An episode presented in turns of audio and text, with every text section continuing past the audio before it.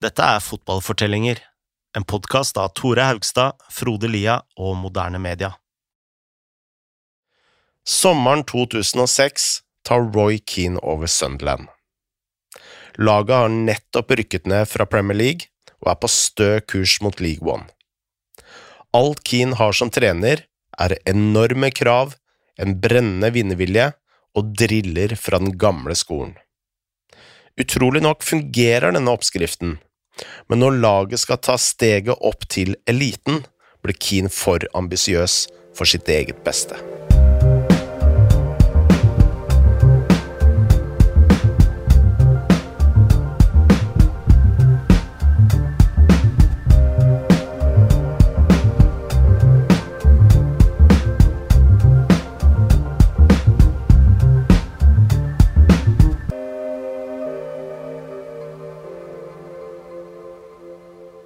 Da Keane tok jobben i Sunderland, opererte han på rent instinkt.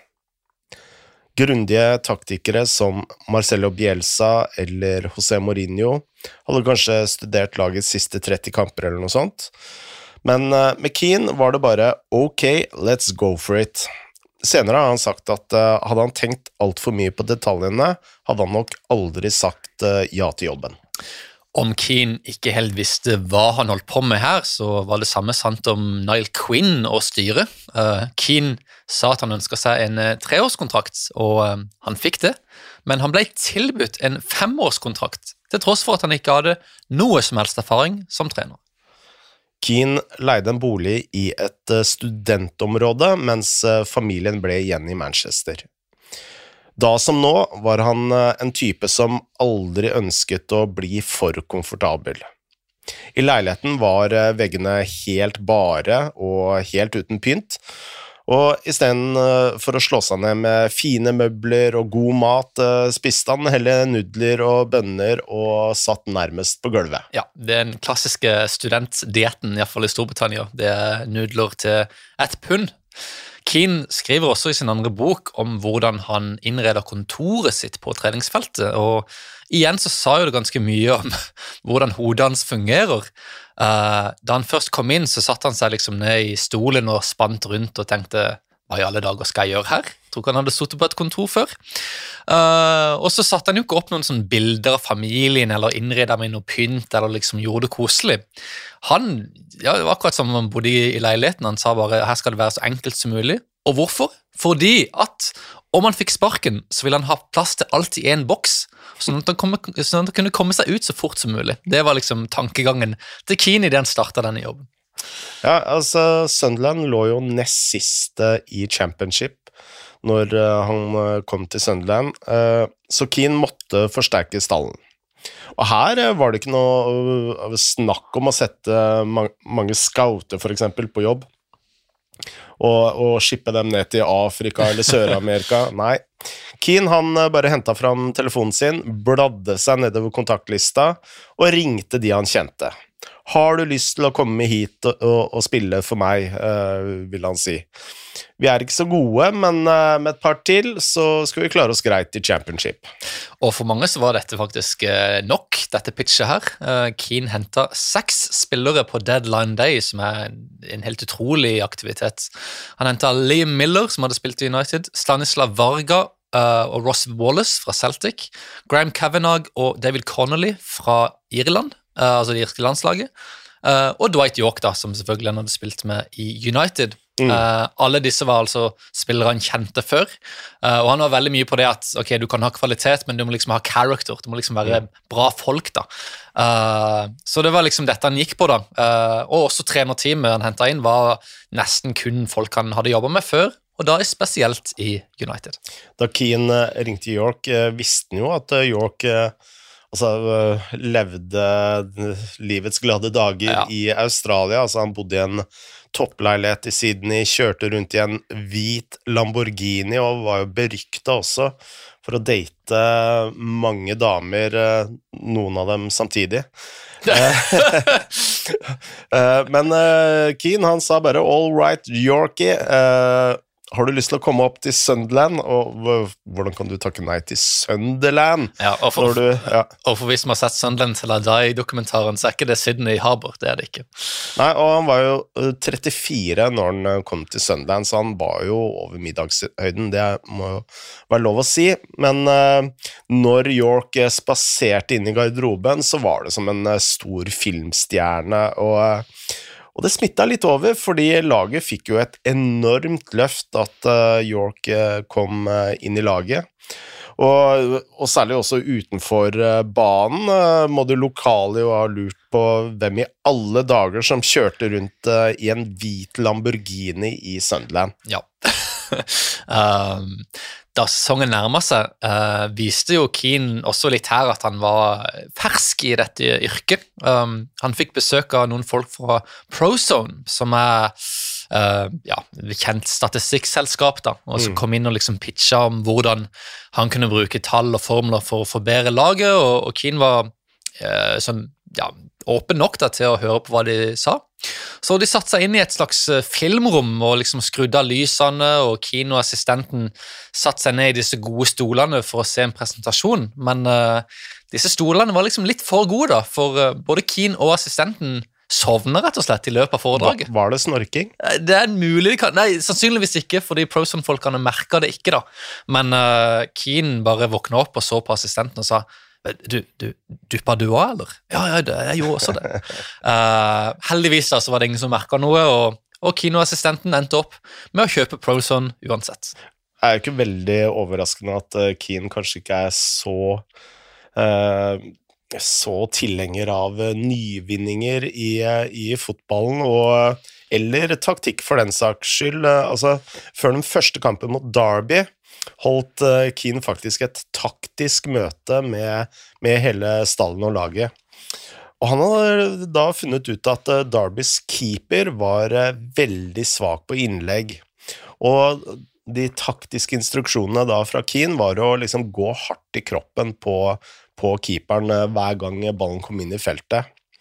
Eh, Mens han prata, så så han eh, David eh, Connolly rakke opp eh, en hånd, da. Eh, For han hadde noe essensiell informasjon å komme med. Da, og, eh, men eh, Keane han bare fortsatte på inn- og utpust eh, med sin grundige analyse av keeperen. Og til slutt sa Keane til Connolly ja, hva er det? Og da svarte Connolly mm, du vet den keeperen? Og Keane «Eh, ja, han ble solgt for en uke siden.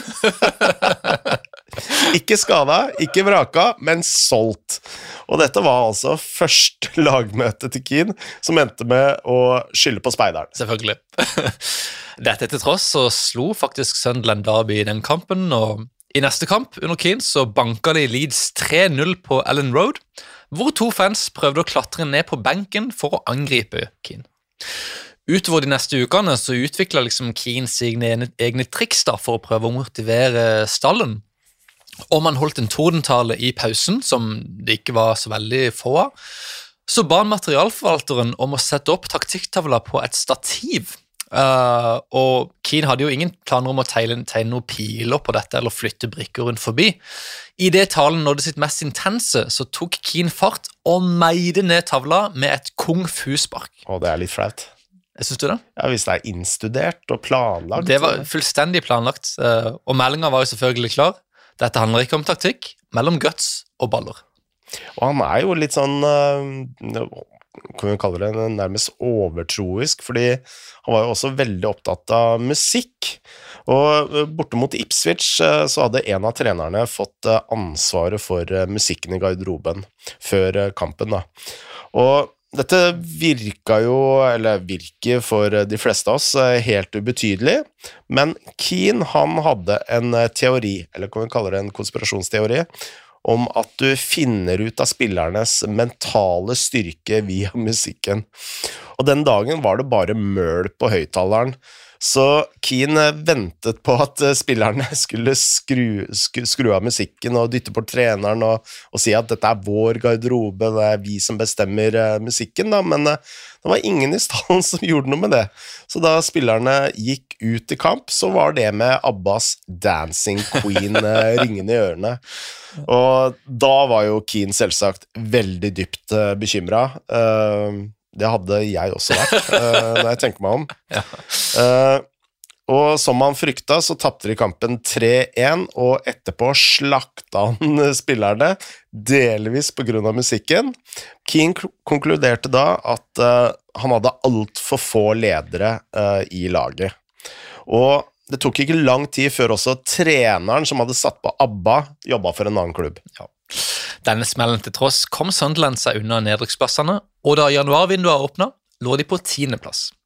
Så fikk Keane inn Johnny Evans på lån fra United, uh, og dette var en fyr som Keane elska fra, fra, sin tid der, og som han sa styrka laget enormt. Og en av grunnene Keane likte Evans og liksom likte karakteren hans, var uh, en episode i klubbkantina i United, hvor Evans hadde vært i slåsskamp og slått ned en annen fyr. Dette var kvaliteter som Keane ønska seg i Sunderland. Ja, for dette var jo rett opp i Keens, uh, Keens gate. Ja, En nordirer også, i tillegg. Uh, fra nyttår og frem til midten av april så vant uh, Sunderland 14 av 17 ligakamper. De resterende tre som de ikke vant, endte uavgjort. Og denne, denne formen skyldtes uh, må jo kunne si at det ikke skyldtes Keanes uh, genistreker som uh, taktiker. Og på feltet så brukte han uh, kun de drillene han hadde trent med selv, og, altså opp igjen i Irland og, og Nottingham Forest og senere Manchester United. Og før de da liksom avslutta med en internkamp som pågikk helt til de hadde en vinner. De spilte siste målet vinner, samme hvor mørkt det blei. Eh, Keane fikk høre at dette slet ut spillerne, men det brydde han seg veldig lite om. Han sa bare 'jeg er old school'. Keane brydde seg heller ikke så veldig mye om hvis spillerne hadde vært litt sånn i trøbbel på byen. Eh, det skulle kanskje bare mangle med hensyn til hans egen fortid. En gang fikk han høre at Kavanagh og Anthony Stokes, som tilfeldigvis begge var fra Irland, eh, hadde vært i slåsskamp i sentrum, og at Kavanagh hadde skalla til noen. Keane ga det ikke noen bøter eller noe sånn. Han bare sa at ok, gutter, bare vær litt, litt ekstra forsiktig neste gang. Men om eh, noen eh, kom for seint, da hadde Keane null toleranse. Da de skulle møte Barnsley borte i mars, kom tre av spillerne for sent til lagbussen. Eh, så Keane bare dro av gårde uten dem, og Sunderland vant 2-0. Så dette fungerte, dette regimet Keane hadde innført. Uh, I tillegg så vant han også prisen for uh, månedens manager i både januar og februar. Og selv syntes han uh, slike priser bare var tull, og da han kom hjem, satt han trofeene rett i garasjen. Keane traff imidlertid ikke på alt han gjorde. Før Colchester borte i tredje siste kamp i ligaen, så tok han stallen med på mountainbiking i ikke bare et par timer, men i syv timer. De konkurrerte med hverandre, og Keane slakta bl.a. en kollega for å ha punktert. Jeg vet ikke hvordan du unngår det, men greit nok. Da de skulle spille to dager seinere, var imidlertid spillerne helt utslitt fra denne utflukten og tapte 3-1. Likevel, Sunderland rykka opp, og Keane han fikk nyheten da han var ute på tur med hundene, og skyndte seg hjem for å sjekke bonusen i kontrakten. I garderoben i neste kamp feiret eh, spillerne opprykket med champagne mens eh, Keane prøvde å få alle ned på jorda. Da Queen ville ha en bussparade gjennom byen, ga Keane ham et blankt avslag, og syntes det var flaut å feire med en parade kun for å rykke opp til Premier League. Dessuten, sa Keane, hadde det vært iskaldt, og spillerne hadde uansett dukket opp for seint. Før trenerdebuten i Premier League henter Keane igjen et hav av spillere. Han signerte andre Kieran Richardson, Kelvin Jones, Michael Chopra, Craig Gordon, Andy Cole, Ian Hart og Greg Halford. Men Evans han dro tilbake til United siden utlånet var over, og det var en, en spiller som Keane aldri kom til å klare å erstatte. Ikke alle kjøpene fungerte. Da Keane møtte Halford på kontoret sitt, ble han bekymra over måten han satte seg ned i stolen på. Han var rett og slett for avslappa, syntes Keane. Og han hadde helt rett. Halford ble ingen suksess. Så var det noen spillere Keane prøvde å få tak i, men som han ikke helt lyktes med. En av disse var Matthew Taylor, som Keane liksom tok med på stadion og Stadium of Flight og viste han liksom stedet og tok han med inn på styrerommet og prøvde liksom å selge klubben til han, før de to gikk tilbake til bilen på parkeringsplassen. Da sa liksom Taylor at du, du vet, jeg har andre klubber som er interesserte her. Og Keane bare ja, ja, det går bra, ta den tida du trenger. Så sa de adjø, eh, men 15 sekunder seinere, da Keane var på vei bort til bilen sin, så fikk han ei melding. Og det var Matthew Taylor, eh, og der sto det Du, jeg har bestemt meg for å signere for noen andre. Dette var altså rett etter at de hadde møttes, og Keane kunne fortsatt se Taylor på andre sida av parkeringsplassen idet han fikk avslaget. Sunderland åpnet med 1-0-seier mot eh, Tottenham takket være et mål på overtid av Chopra. Men så vant de kun én av de neste tolv, og da de skulle møte Everton borte, følte Keane at de trengte litt eh, ekstra piff eller motivasjon, eh, om du vil. Så han viste dem ja, den mest motiverende filmen noensinne, eller motivasjonsfilmen noensinne, og det er selvsagt Al Pacinos berømte tale fra Any Given Sunday, med håp om at de skulle knuse Everton. Sunderland tapte 7-1. og Keane var veldig veldig langt ned etter dette. Han var jo generelt sett uh, tok det jo veldig tungt når han tapte, og sa liksom at han fortjente ikke å spise et godt måltid og var skikkelig tøff mot seg sjøl. Denne gangen så dro han hjem til Manchester og forlot uh, knapt senga de neste to dagene. Han dusja heller ikke på tre dager, så uh, dette var en, en skikkelig smell. Likevel fortsatte han å holde den taktiske biten enkel.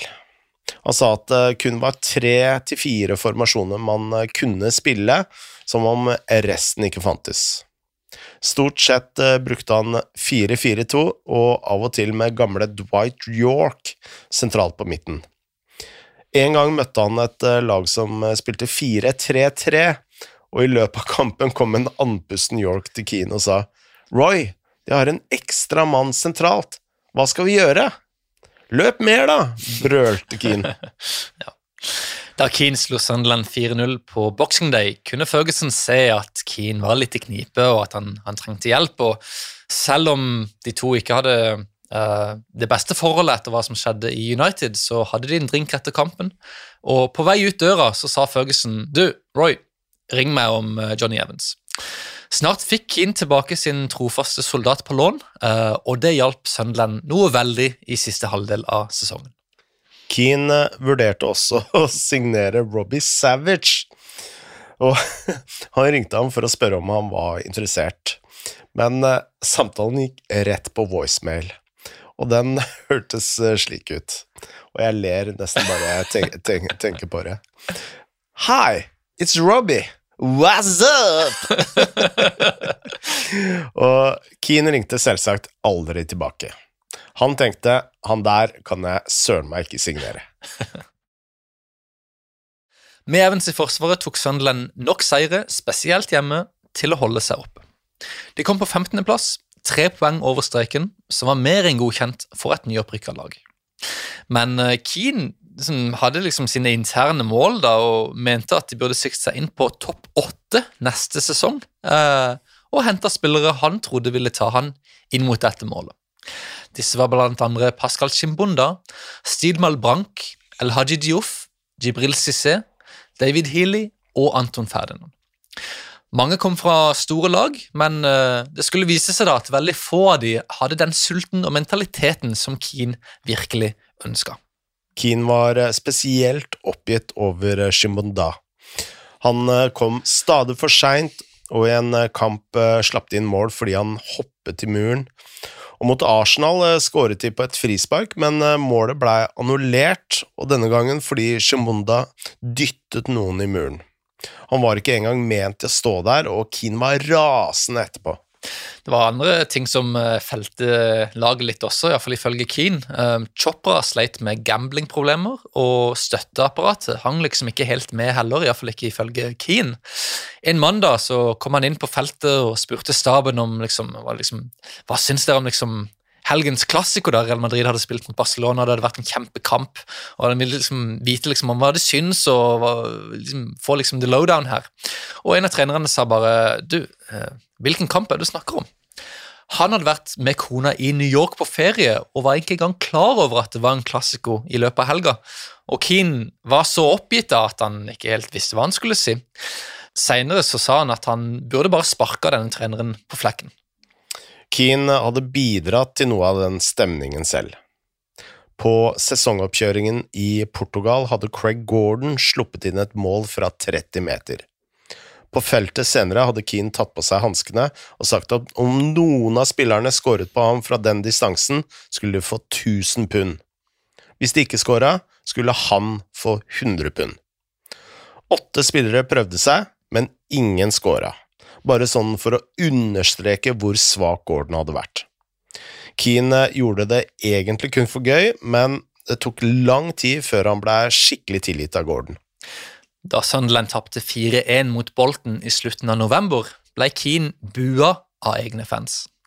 Laget lå nå på 18.-plass, langt langt, langt unna der Keane ville ha de, og, og sjøl var Keane nå utslitt. Han eh, dro jo fortsatt jevnlig tilbake til familien i Manchester, men på veien dit nå så stoppa han bilen i veikanten og sov. Innen dette hadde det skjedd et skifte i styret, nemlig at amerikaneren Alice Short hadde blitt klubbens eier. En dag da Keane satt i bilen, ble han oppringt av Short. Den nye eieren eh, spurte stadig om hvorfor laget var i så dårlig form, og hvorfor en type som eh, Shimbonda ikke spilte. Keane eh, mente at han visste veldig lite om fotball, og nå mente Short at det var problematisk at Keane ikke bodde i Sunderland med familien. Han ville at hele gjengen skulle flytte østover. Og dette reagerte Keane veldig veldig på. Ehm, det hadde jo fungert helt fint å ha familien i Manchester da de rykka opp, så hvorfor i alle dager var dette et problem nå? Han likte heller ikke tonen til Shorts, og vi har jo snakka om hvordan Keane liksom fersker journalister på manerer og måten de liksom er med han, og stiller spørsmål over hvordan tonen er. Uh, og mens Quinn liksom hadde behandla Keane som en, liksom, kamerat, da, så følte Keane at Short snakka litt ned til han. Um, og dette var noe han rett og slett ikke tolererte. Han fikk nok. Torsdag 4. desember sa Keane opp som trener for Sunderland. Slutten i Sunderland ramma Keane hardt. Han likte klubben, og han eh, likte folka der, og følte at eh, miljøet passet ham veldig godt. Men et halvt år senere, like før sesongen var over, fikk han en ny sjanse, og denne gangen i Ipswich. Så fort han tok jobben, følte han seg ukomfortabel. Han likte ikke staben, og, kjente ingen varme fra fansen, men kanskje viktigst, Ipswich spilte i blått. Fargen til alle rivalene Keane hadde møtt som spiller, og da spesielt Rangers og Manchester City. Dette, dette burde jo vært ubetydelig, men eh, det var ikke det for Keane. Keane eh, skrev i boken I don't like fucking blue. Ja. Uh, men over sommeren hadde Keane en idé for å lade opp til neste sesong og liksom prøve å, å, få det meste ut av laget likevel. Han fortalte stallen at de skulle bort i et par dager, og ba de om å være klare til det. Spillerne forventa helt sikkert en utenlandsreise eller et opphold på et femstjerners hotell, men eh, Keane han hadde en annen plan. De skulle tilbringe tid med den nasjonale hæren i glamorøse Colchester. Der skulle det gå gjennom det samme treningsregimet som det såkalte 7th Parachute Regiment Royal Horse Artillery, uh, og dette kom ikke til å bli en ferie på stranda. Og dette var blod, svette og tårer, selv for Keane. De gikk i marsj og så paramilitære slakte en gris, som ikke var et uh, særlig pent skue. Uh, de måtte jo selvsagt spise grisen, og på natta sov de i telt, og skalv av kulde, og altså, dette var jo ikke noe for uh, sarte, profesjonelle fotballspillere. Nei. Og klokka fem på morgenen ble de vekket av uh, sjokkgranater bare for å toppe det hele. Og da de kom hjem, hadde spillerne gnagesår fra marsjene i støvlene, og de var slitne, kalde og drittlei eh, på godt norsk. Og ikke minst så var de veldig, veldig sinte på Keen. Ja, Det skulle liksom være en sånn eh, teambonding som Keen prøvde å arrangere, men, men, det gikk bare helt feil vei, og det var egentlig altfor mye. og Det kunne man se i starten av sesongen også, for Ipswich de vant null av sine første 14 ligakamper. Um, Keane hadde dårlig kjemi med styret, han fikk ikke spillerne han ville ha, uh, og tidlig i januar så fikk han rett og slett sparken. En følelse han sa svei skikkelig. Laget var aldri helt på hans side, og en av spillerne sa at den ene halvparten av stallen ikke ville spille foran, mens den andre halvparten ikke turte. Etter Ipswich gjorde Keane det som arbeidsløse trenere gjerne gjør. Han eh, spilte i veldedighetskamper, han signerte autografer, og han skrev avisartikler. Eller da, dikterte avisartikler. Men han hata alt sammen som ikke hadde noe å gjøre med selve fotballen, og selv da han ble pundit på TV, så sa han at det egentlig ikke ga han noe som helst. Keane har hatt et par eh, jobber i fotballen siden det. Han var eh, assistenten til Paul Lambert en eh, kort periode i Aston Villa, men takla ikke spillerne der. I 2019 var han også assistenten i Nottingham Forest en liten periode. Men den mest vellykkede jobben han har hatt som assistent, var for Martin O'Neill for det irske landslaget. En rolle han hadde fra 2013 til 2018. I det vi spiller inn dette, er Keane tilbake på TV-skjermene i England, selv om han har sagt at han ikke helt liker det. I februar fikk han en uventa sjanse til å trene Sunderland igjen, men litt overraskende så takka han nei. Mange hadde trodd at han skulle hoppe på denne sjansen, da, men uh, det er fortsatt vanskelig å si hva som virkelig rører seg oppi hodet til Keane. Selv da han ga ut sin andre bok, sammen med journalisten Roddy Doyle, sa Keane at boken ikke viste hvem han egentlig var. Da Doyle fikk høre dette, spurte han pressen et spørsmål. Om du tar folkene vi har kjent hele livet, kjenner vi dem egentlig? Jeg tror ikke det. Den eneste personen som kjenner Roy, er Roy selv.